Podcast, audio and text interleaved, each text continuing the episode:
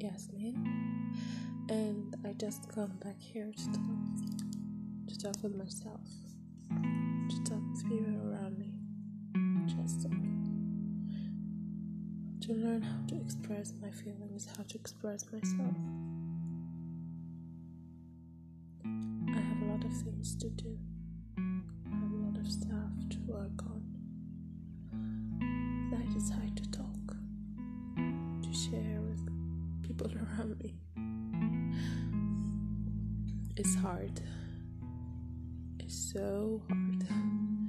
But we should never give up. Never ever give up. Please take care of yourself. And don't forget to smile. Don't forget to love yourself.